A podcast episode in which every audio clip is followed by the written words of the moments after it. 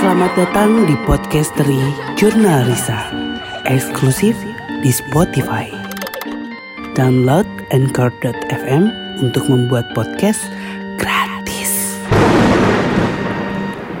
Assalamualaikum warahmatullahi wabarakatuh. Selamat datang di Podcastery Jurnal Risa Eksklusif on Spotify.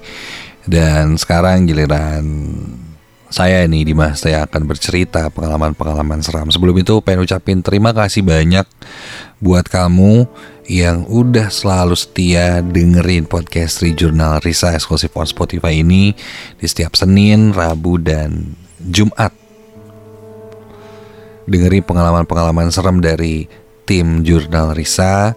Yang pastinya di sini kita sebenarnya bukan mau nakutin kamu, tapi ingin berbagi pengalaman aja untuk yang percaya, terima kasih dan semoga jadi waspada ya dengan hal-hal yang mungkin saja bisa terjadi juga sama kamu. Buat yang nggak percaya atau ah udahlah ini mah cerita doang, it's okay, nggak apa-apa, anggap aja ini sebuah hiburan. Pengalaman yang bakal saya ceritain malam ini kejadiannya itu waktu saya SMP saya lupa kelas 2 kayaknya. Waktu itu kita ada acara karya wisata ke sebuah pantai. Nah pantainya masih daerah Jawa Barat. Jadi ketika itu pagi-pagi kumpul di sekolah briefing di lapangan. Setelah itu kita berangkat lah ada dua bis yang berangkat dari uh, sekolah saya menuju pantai itu. Nah, karya wisata mungkin jadi satu hal yang cukup saya kangenin sih sekarang karena di perjalanannya itu bareng sama teman-teman kita ngobrol ada yang ngejailin ada yang ngelucu ketawa-ketawa nyanyi-nyanyi terus tidur dengan posisi yang gak enak gitu kan. Tapi tetap bisa nyenyak gitu tidurnya tuh itu jadi satu hal yang saya kangenin sih. Udah lama juga nggak karya wisata sampai akhirnya uh, kemarin-kemarin sempet ghostbuster gitu di bis dan ngalamin lagi wah seru gitu. Oke baik lagi ke cerita. Kita berangkat. Selama perjalanan saya sebenarnya ngabisin itu sama tidur. Biar nanti malamnya bisa seger gitu. Di satu tempat akhirnya kita uh, berhenti dulu tuh. Kayak semacam rest area ada toilet umum ada tempat jualan makanan juga ada musola juga sambil sekalian sholat zuhur. Nggak lama dari sana saya juga sempat ke toilet waktu itu dan agak ngerasa nggak tahu ya suasananya di rest area itu nggak enak gitu. Karena ketika saya masuk ke salah satu bilik yang ada di sana duh kok pusing gitu.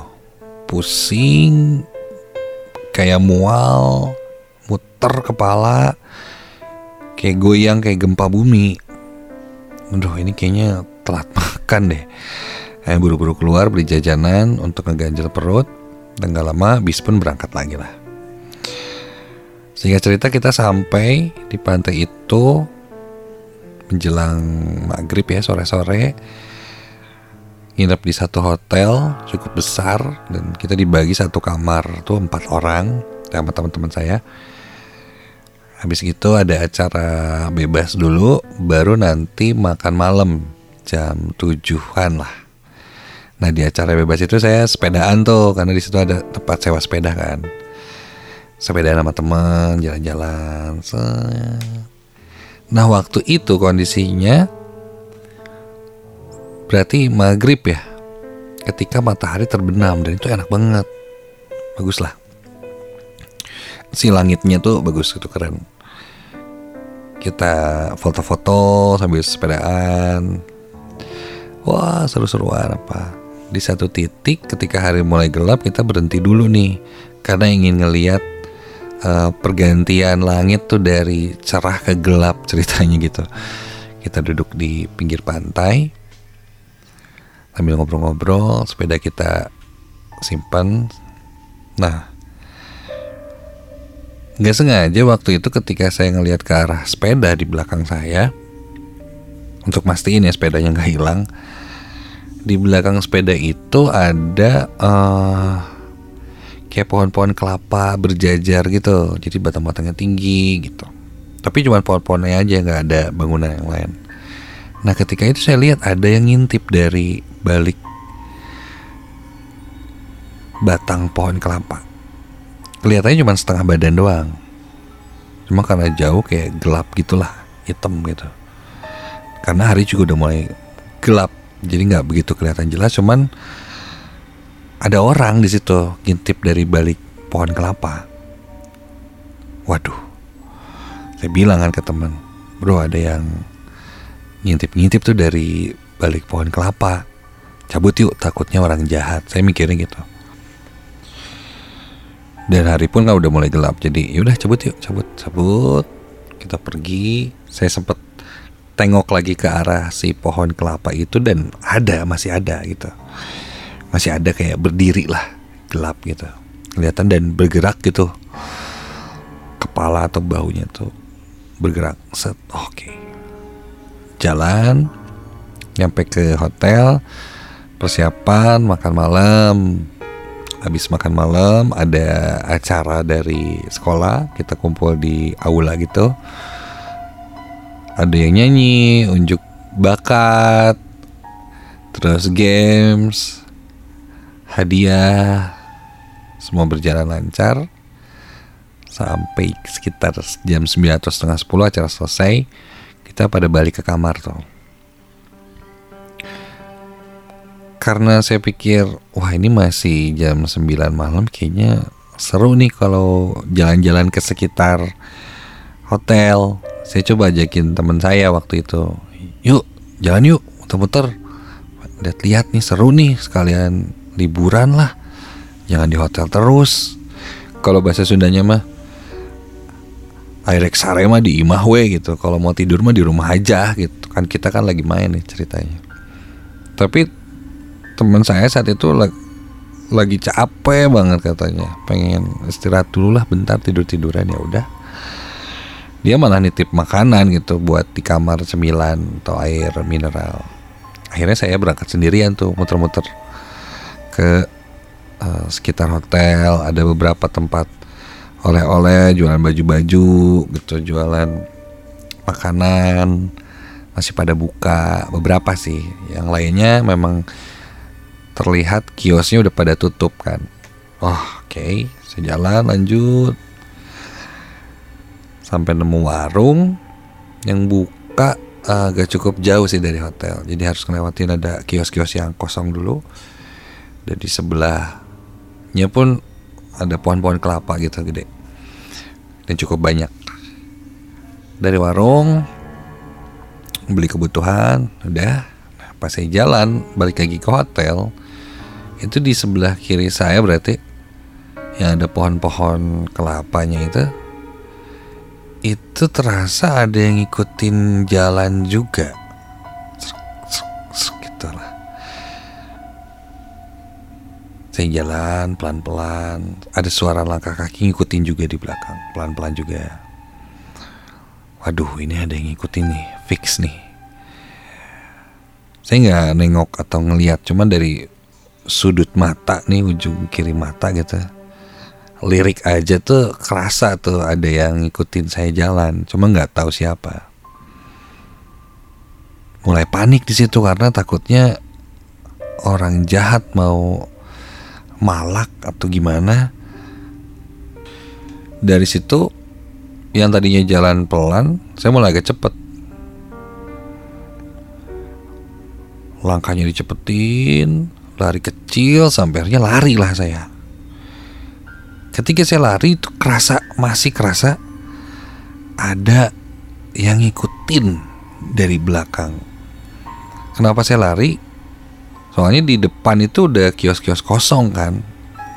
udah nggak ada orang nanti takut ada apa-apa teriak pun nggak tahu siapa yang nolongin saya lari terus sampai alhamdulillah sampai ke hotel di hotel ada satpam tuh nanya kenapa lari-lari? Saya bilang nggak nggak ada apa-apa. Saya make sure lihat ke belakang uh, memang nggak ada siapa-siapa yang ngikutin. Aduh ini cuma perasaan aja bagaimana lah. Dah habis gitu saya balik ke kamar. Ada tiga teman saya masih belum tidur lagi siap-siap. Tapi udah mereka udah dibalik selimutan gitu. Saya bilang lah ada yang ngikutin nih lagi di jalan tadi ke warung. Kayaknya orang yang sama kayak yang ngintip-ngintip kita deh. Saya bilang gitu kan. Tapi pas dilihat nggak ada. Salah satu teman saya celetuk. Jangan-jangan setan tuh gitu. Tapi ketika dia ngomong gitu ser merinding lah itu lengan sama pundak sampai kepala tuh des nah biasanya ini satu pertanda nih. Ketika memang iya ada responnya dari makhluk halus itu. Ketika ketahuan jangan-jangan setan tuh langsung merinding. Wah ini jangan-jangan bener gitu kan. Ya udahlah saya coba bodo amat uh, ngalihin topik pembicaraan sampai akhirnya lewat tengah malam habis ngobrol ini itu kita tidur.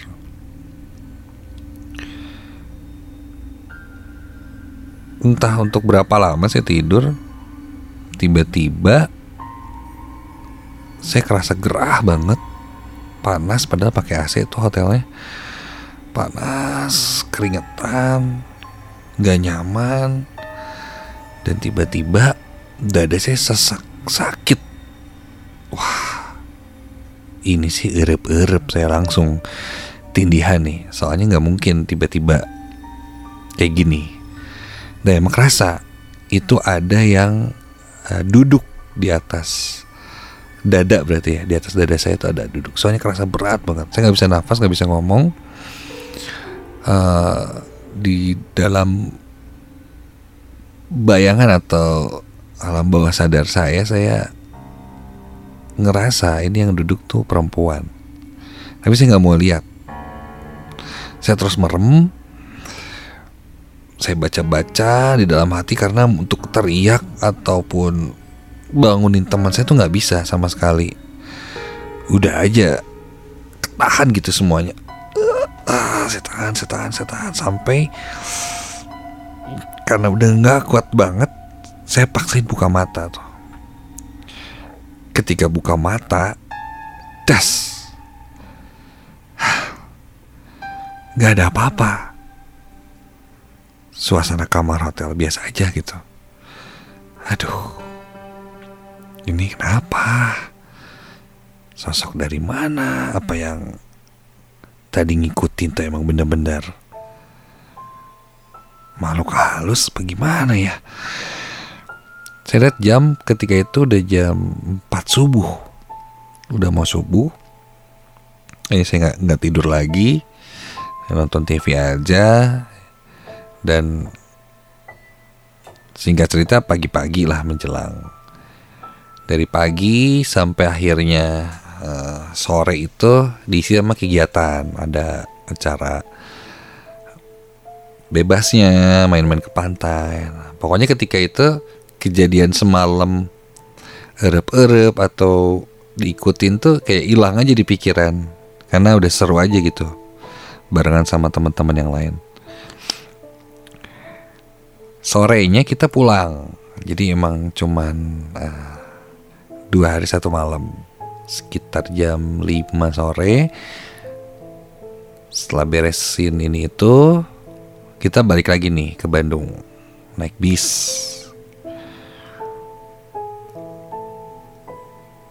berangkat dari sana sekitar jam setengah enam sore. Perjalanan udah ya udah asik aja gitu karena udah seru. Dan ketika itu sama sekali nggak teringat yang semalam bener-bener lupa aja udah karena saking serunya lanjut jalan makin lama suara ngobrol-ngobrol teriak-teriak ketawa-ketawa itu makin pelan makin pelan makin pelan dan hilang. Dalam artian kayak tidur semuanya. Sekitar jam berapa ya? Jam 8 mau ke jam 8 malam lah. Itu suasana udah pada tidur semuanya. Dan lampu bis pun dimatiin. Biasanya kan tetap dimatiin nah saya tuh duduk di eh, kursi penumpang di sebelah kanan tengah ya. Nggak terlalu depan nggak terlalu belakang dan duduknya itu sebelah jendela. Karena lampu dari jalan arah berlawan itu cukup silau gitu kadang-kadang saya akhirnya tutup gorden jendelanya. Tutup ah. Saya tutup terus ambil posisi tidur meskipun posisinya nggak enak gitu ya ada kaki di tekuk dilipat kepala nyender ke jendela tapi nyaman sih itu ya mungkin yang jadi sensasinya ketika karya wisata kita di perjalanannya itu. Nah, tiba-tiba selagi tidur ada yang nepuk-nepuk bahu saya dari sebelah kanan. Dari sisi jendela gitu. Nepuk ngebangunin. Tapi pakai jari gitu kayak eh bangun-bangun gitulah. Cepet gitu. Dan itu kerasanya jari bukan ditepuk yang pok-pok-pok tapi jari yang nyolek-nyolek gitu nggak cuma satu tapi jarinya mungkin ada tiga jari lah nyolek-nyolek nyolek kayak buru-buru ngebangunin refleks saya bangun saya lihat ke arah sebelah saya teman saya tidur. Karena yang nyoleknya dari arah kanan di belakang saya lihat ke belakang. Dan teman saya juga tidur dan tidurnya udah pulas banget gitu. Saya sampai berdiri buat make sure ini siapa yang nyolek ya? Atau Jailin bangunin? Semuanya tidur. Dan beneran tidur yang bukan yang pura-pura tidur gitu aduh ini udah nggak bener nih. Udah mulai merinding tuh di situ. Apalagi ya ini jadiannya. Tiba-tiba ada yang nyolek saya gitu. Saya duduk lagi. Jadi nggak bisa tidur kan ketika itu. Kalau udah kebangun dan langsung pusing kepala bangun tiba-tiba tuh. Adalah biar nggak bosan saya mau buka gorden dan lihat jalan aja deh. Nah pas buka gorden jendela bis itu. Seret itu. Aduh merinding nih. Dari ujung kaki sampai ujung kepala itu saya kayak ditarik. Merinding banget. Karena pas dibuka gordennya itu di balik jendela bis tuh.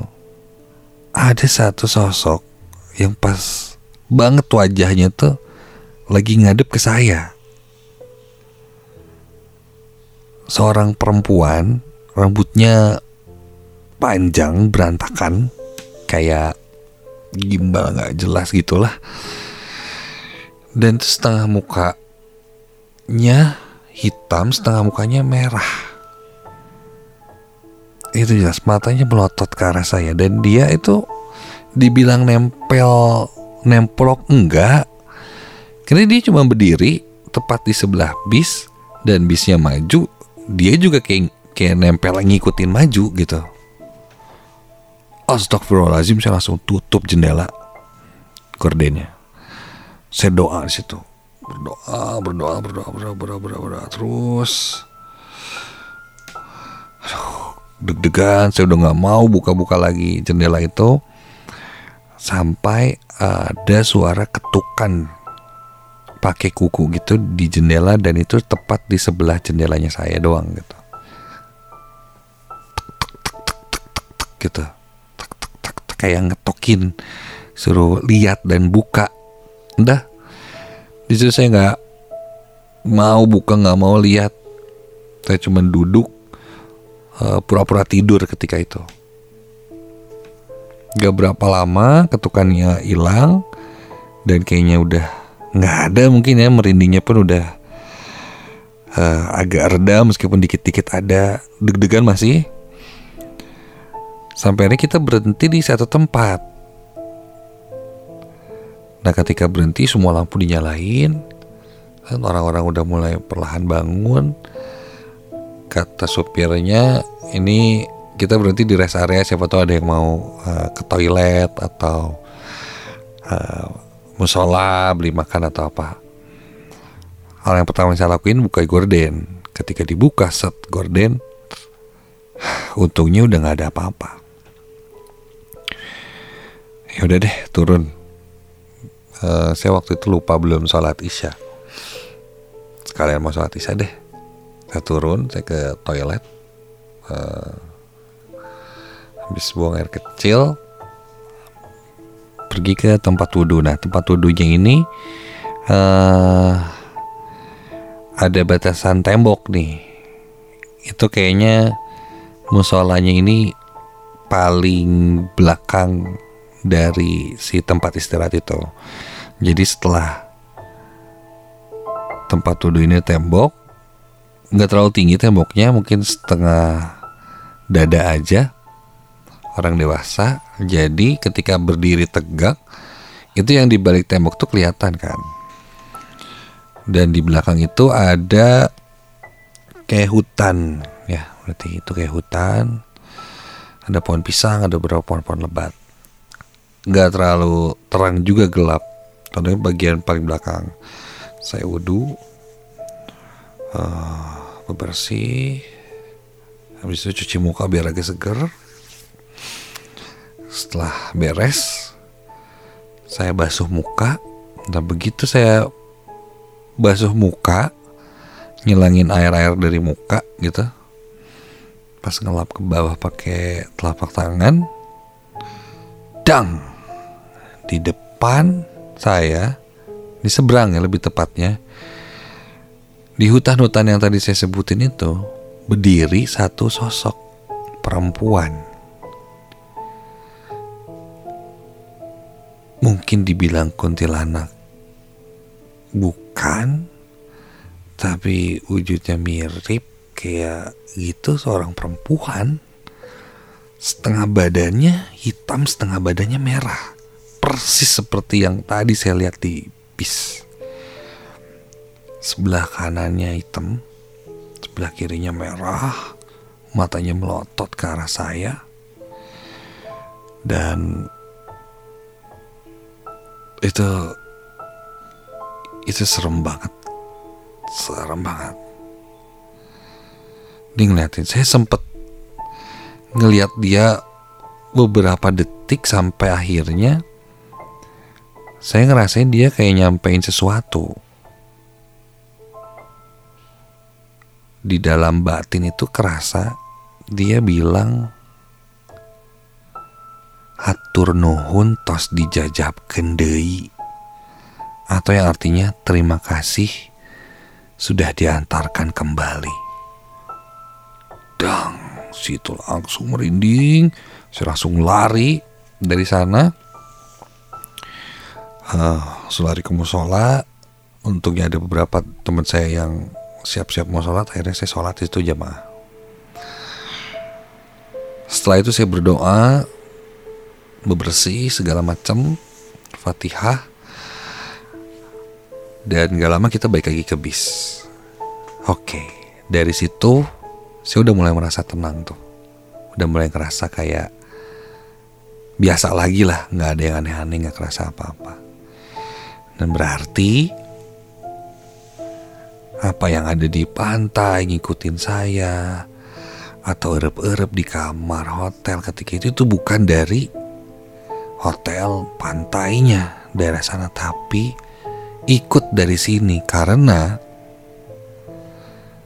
tempat atau rest area itu adalah tempat rest area yang sama seperti kita berhenti pas pergi menuju pantai itu. Jadi mungkin sosok itu nempel atau ngikutin saya ketika saya masuk ke salah satu bilik yang paling pojok dan ketika saya merasa sangat pusing berada di toilet itu. Saya langsung kayak ingat, wah bener eh. Kayaknya ngikutnya dari sini. Aduh. Untungnya berhenti lagi di situ dan setelah wudhu mungkin ya jadi bersih lagi semuanya dan ya udah turun lagi di situ. Sosoknya nggak ikut lagi. Untungnya sih seperti itu. Ya. Hati-hati di dalam perjalanan di mana pun kamu karena kita tidak pernah tahu ya ada ini ada itu ada apa yang ngikutin kita. Yang jelas kembali kepada hakikatnya bahwa makhluk-makhluk tersebut pun ciptaan Tuhan, ciptaan Allah Subhanahu wa taala. Jadi kita kembalikan lagi kepadanya, kita berdoa kepadanya. Dan kalau kamu ngerasa ketempelan atau ngerasa nggak enak atau apa, bener. Kamu ambil air wudhu, bebersih, kamu sholat, insya Allah itu akan kembali lagi atau lepas. Ini jadi satu pembelajaran sih dan ini jadi satu hal yang akhirnya sering saya pakai kalau beres penelusuran atau ke tempat-tempat serem. Sampai rumah, ambil air wudhu, mandi misalnya, sholat, baru istirahat tidur. Kalau udah mulai ngerasa yang nggak enak atau yang aneh-aneh. Oke, okay, gitu aja untuk cerita saya di podcast Rijunarisa malam hari ini. Semoga suka sama ceritanya dan kalau kamu punya pengalaman-pengalaman juga yang sama nih serupa yang kayak gini boleh sharing-sharing juga ya sama tim Junarisa. Sampai ketemu lagi. Assalamualaikum warahmatullahi wabarakatuh. Dan pastinya dengerin terus podcast Junarisa eksklusif on Spotify.